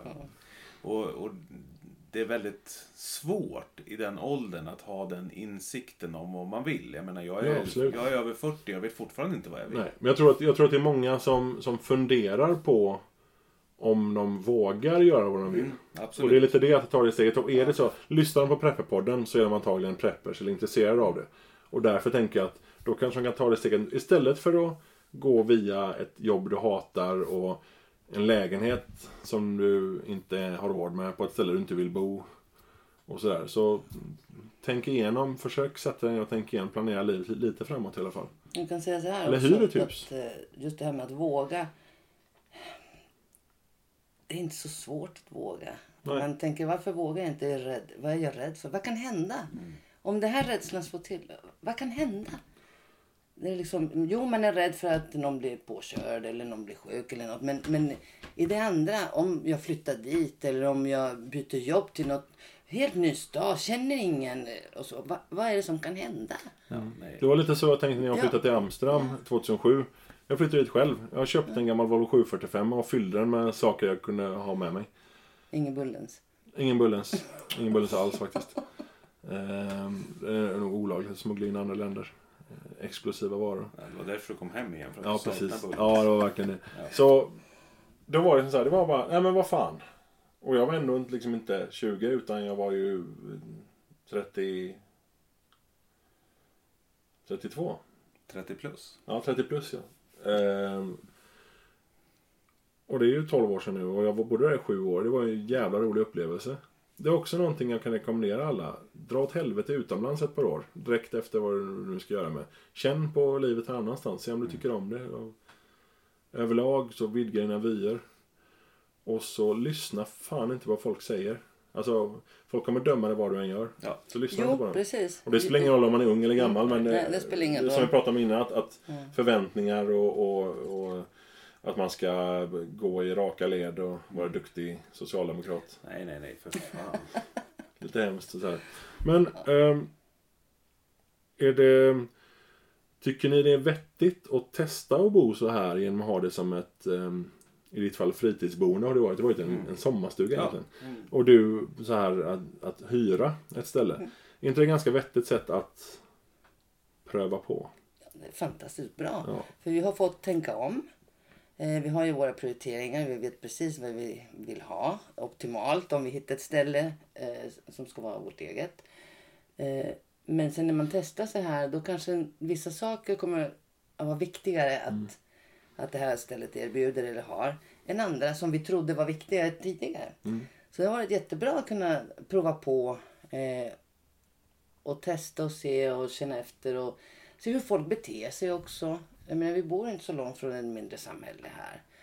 Ehm, vad händer? Nu stirrar de inte på oss när vi handlar. vi har blivit en del av Ja. Är eh, det här community. ja, Ja. Eh, Så det är väldigt bra. Men det, För det, det skulle jag kunna Ja. tänka mig också att om man, om man är ung och vill liksom göra lite ett annat val så kanske det är vettigt att hyra ett hus först. Och det ja. finns ju gott om ställen att hyra. Om inte annat över vintern eh, så innan det hyrs ut som sommarstuga. Men det det, är fantastiskt bra. Det finns hur mycket som helst att hyra. Här i Värmland är det liksom inget problem. Man skaffar någon torp eller någon liten gäststuga eller vad det nu kan vara. Det är billigt. Eh, och på vissa ställen är det, man behöver ingen bil. Det Nej. finns ju vissa ställen där man klarar sig utan bil. Ja. Eh, det kan också vara bra att ha en bil men inte det kan vara den så bra mycket. men man kanske inte behöver. Nej. Att det inte är ett krav. Nej, precis. Och då Jag slipper man här- den kostnaden om man inte har Ja, liksom... bilen Ja. som ni har här nu, Ja. den använder ni för att åka och handla med när det är Ja. dåligt väder. Eh, åka till tågstationen med. Där du ska Precis. hämta eller lämna din man eller du ska hämta eller lämna dig själv. Ja. Och så här, och ni använder inte bilen vidare mycket.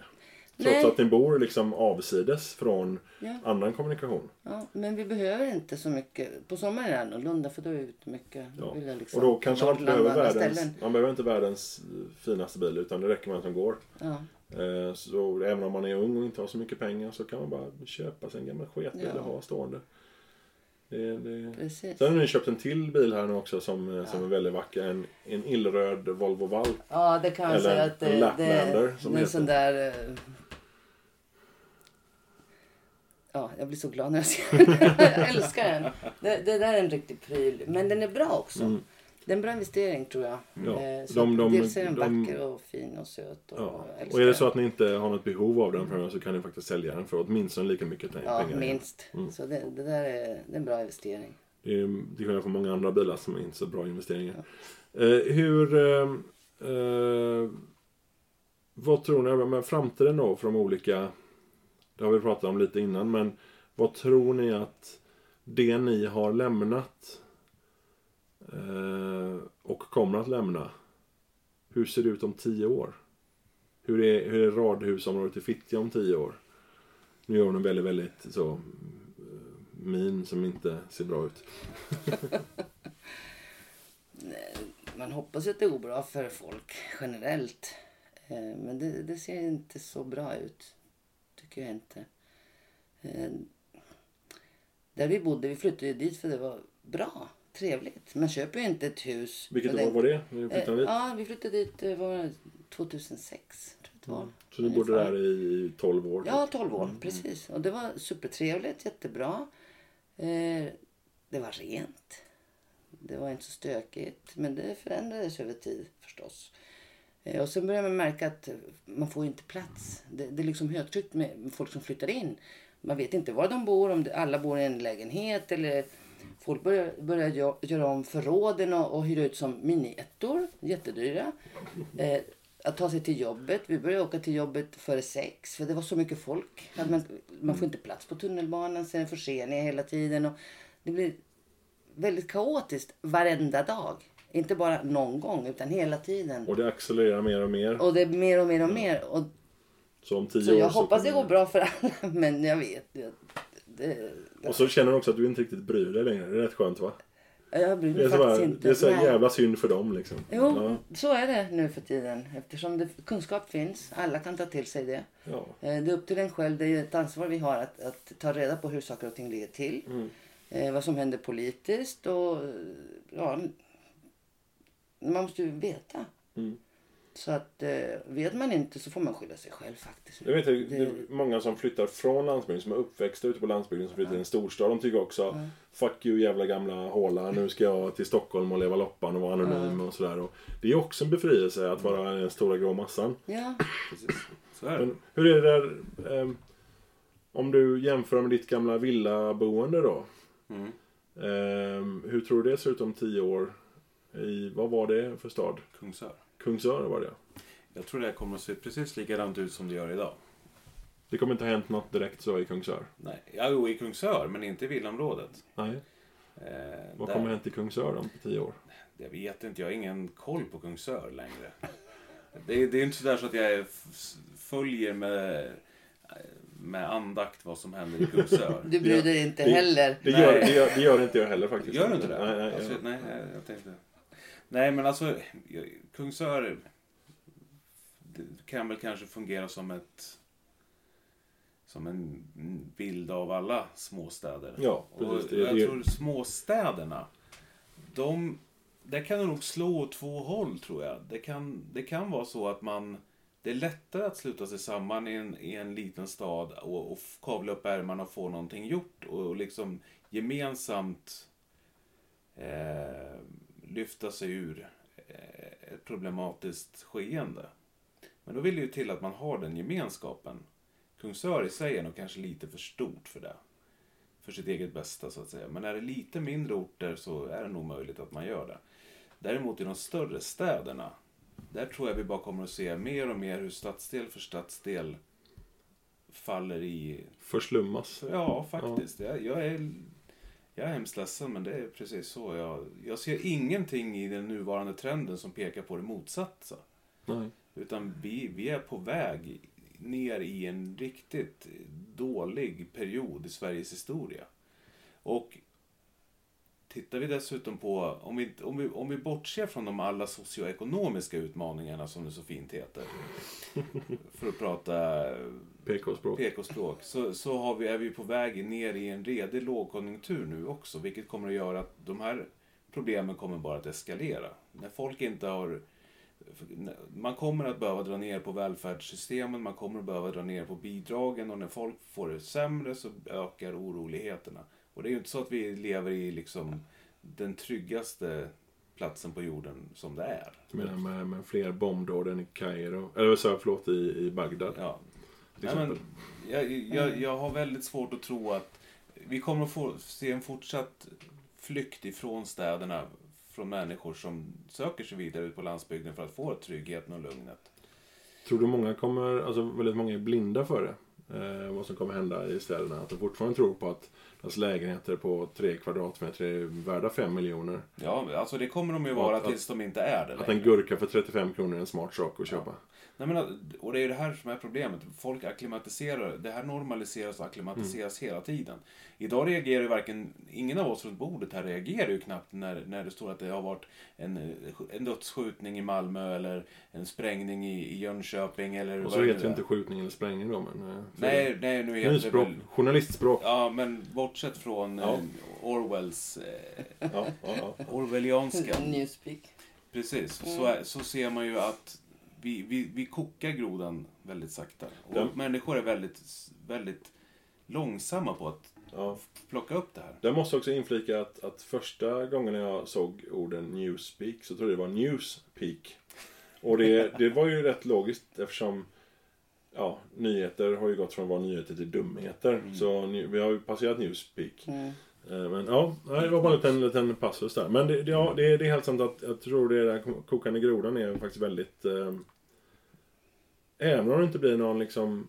Eh, shit hits the fan scenario, någon större... Liksom, större kaosgrej utan bara sakta liksom mm. det här med koka groda och så vidare. Eh, är det inte ganska vettigt att ha gjort det här steget ändå och flyttat ut på landet? Eller att vara prepper eller någonting i de här stegen som ni har gjort själva de senaste hundra åren? Eh, eller känns det onödigt?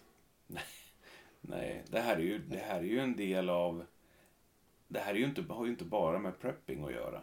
Utan det här har ju att göra med ett livsval överlag. Att man, i alla fall jag, väljer att leva på det här sättet. Eller vill leva på det här sättet. För att jag mår bra. Och ehm, jag vet att själv, för mig har det alltid varit att det är en ehm, en utveckling som är oundviklig ja. i ens preppande. Att ja. man liksom går till i stort sett självförsörjning. Mm. Eller mot det, ska jag säga.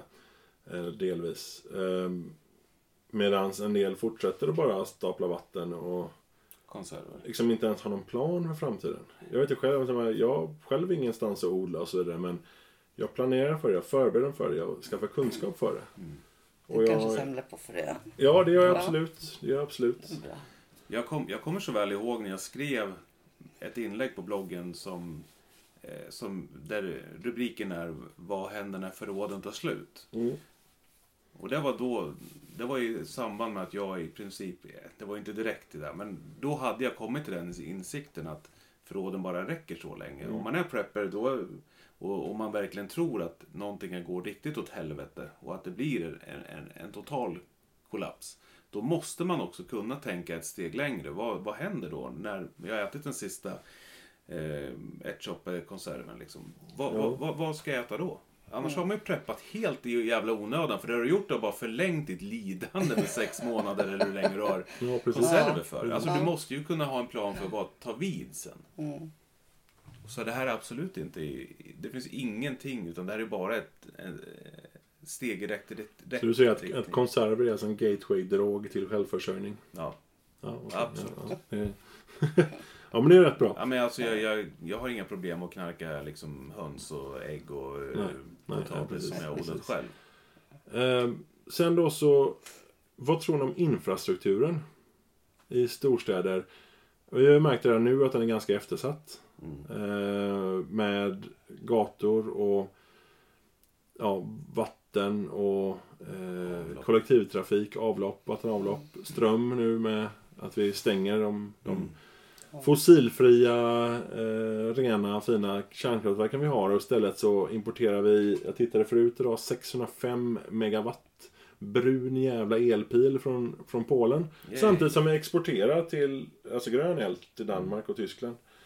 Så importerar vi från Polen. Så eh, om man, om man räknar lite på det så, eh, så är det så att upp till en, var det en fjärde eller femte, det gjorde jag för ett tag sedan.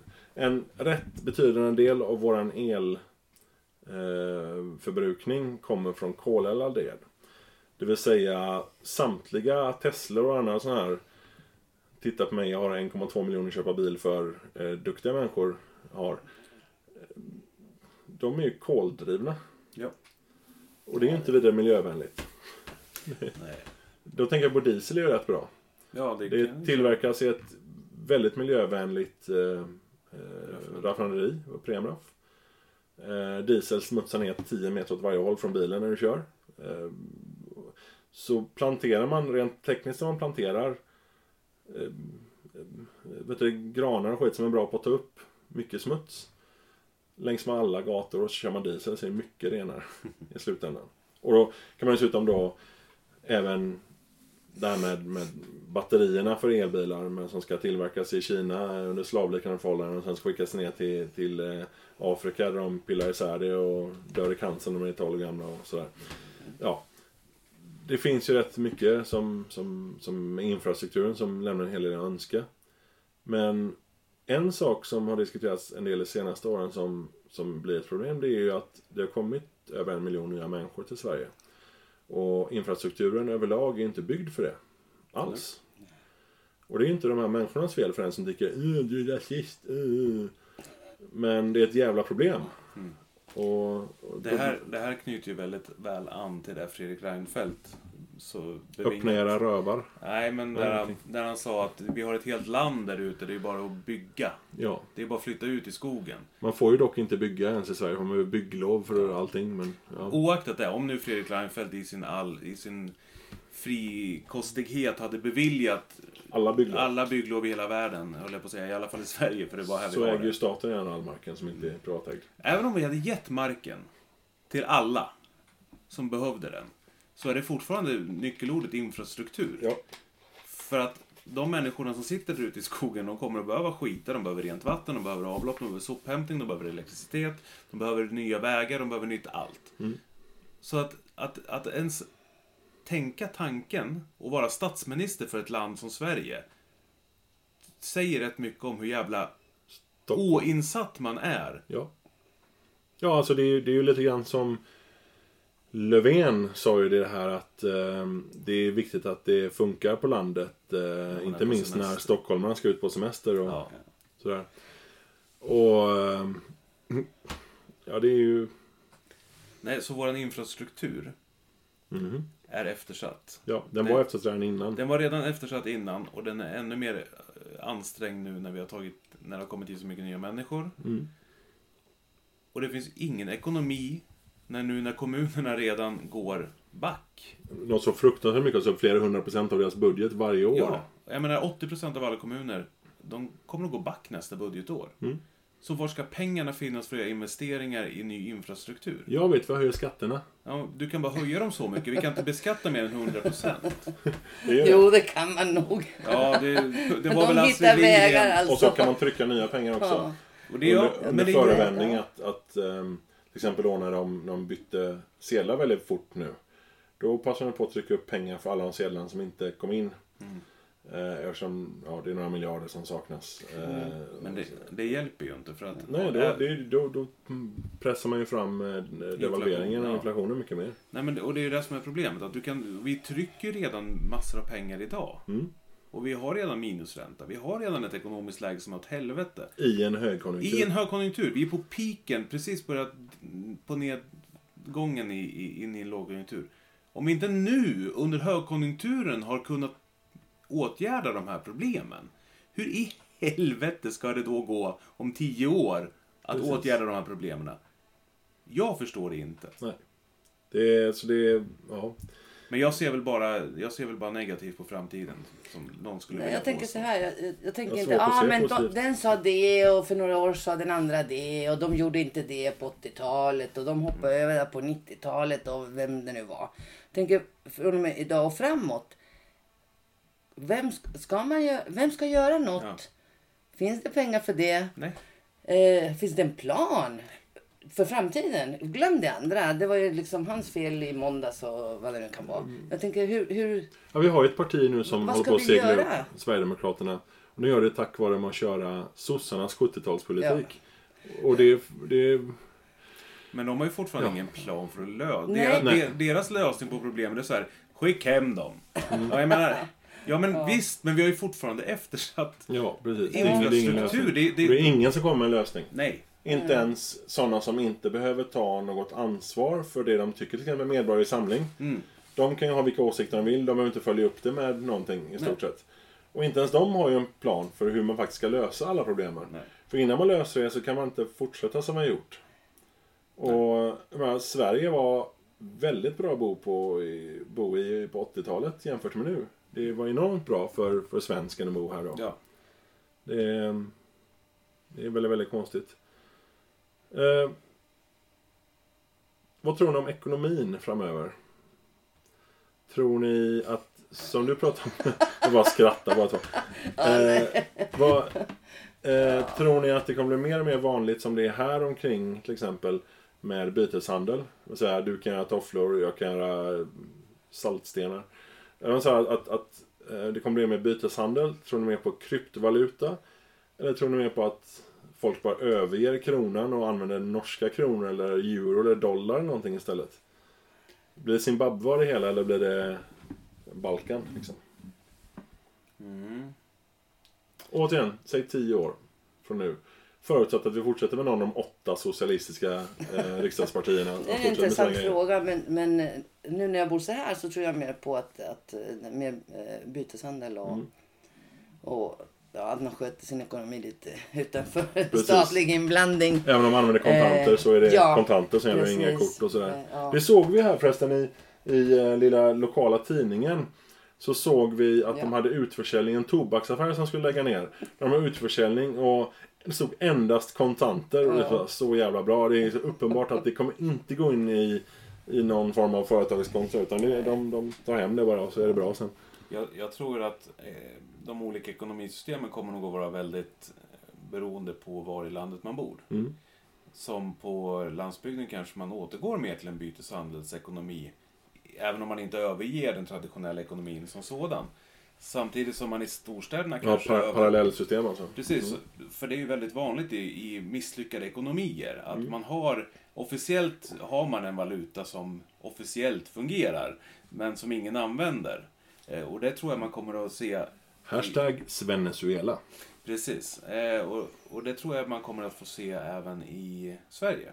Att kronan kommer att bli en, eh, en skräpvaluta helt enkelt. Mm. Bli. Men, ja, men ja, än så länge har man ja. kanske inte nått den statusen, men det var inte långt ifrån. Men jag tror man kommer att gå över att börja använda kanske euros eller dollar eller vilken nu valuta som eh, man, eh, ja, man, man kommer överens om. Nej, det... Nej, men någonstans kommer man ju hitta en valuta som, där alla är, är överens om att det här gör vi transaktioner i. Mm. Men jag tror inte på kryptovalutor. Så jag gillar ju eh, kryptovalutor som en idé. Men eh, jag, tror, alltså, för, jag tror att det första som ryker om det blir en större kris är ju internet. Ja. Och då kan du sitta där med din jävla hashkod eller fan det är. Man har en massa siffror och bokstäver. Så och kan du vara jätte... Ja precis, kan du vara jätterik på den. Mm. Um, ja, vi borde snacka mer ekonomi. Du och jag har gjort det innan Andreas. Uh, vi borde snacka mer ekonomi en gång. Men jag känner att uh, vi avslutar här. Jag tror vi är klara med så här, vad ska vi sammanfatta det här med typ? Ja, flytta till landet. Två, storstäder suger. Eh, tre, Köp inte kryptovalutor. Köp det där. Precis, Fuck krypto. Ja. Ja, nu kommer massa människor bli jättesura. Det finns faktiskt väldigt många, många preppers som använder kryptovalutor. Ja. Och, det... och det vet jag, men jag har ja. inget sånt. Nej. Nej. Jag har några stycken. Jag tror jag har typ så här 0,2 bitcoin någonstans. På någon kod jag inte kommer ihåg. Ja, det, är det, det, är lite sådär. Så, ja, det är konstigt.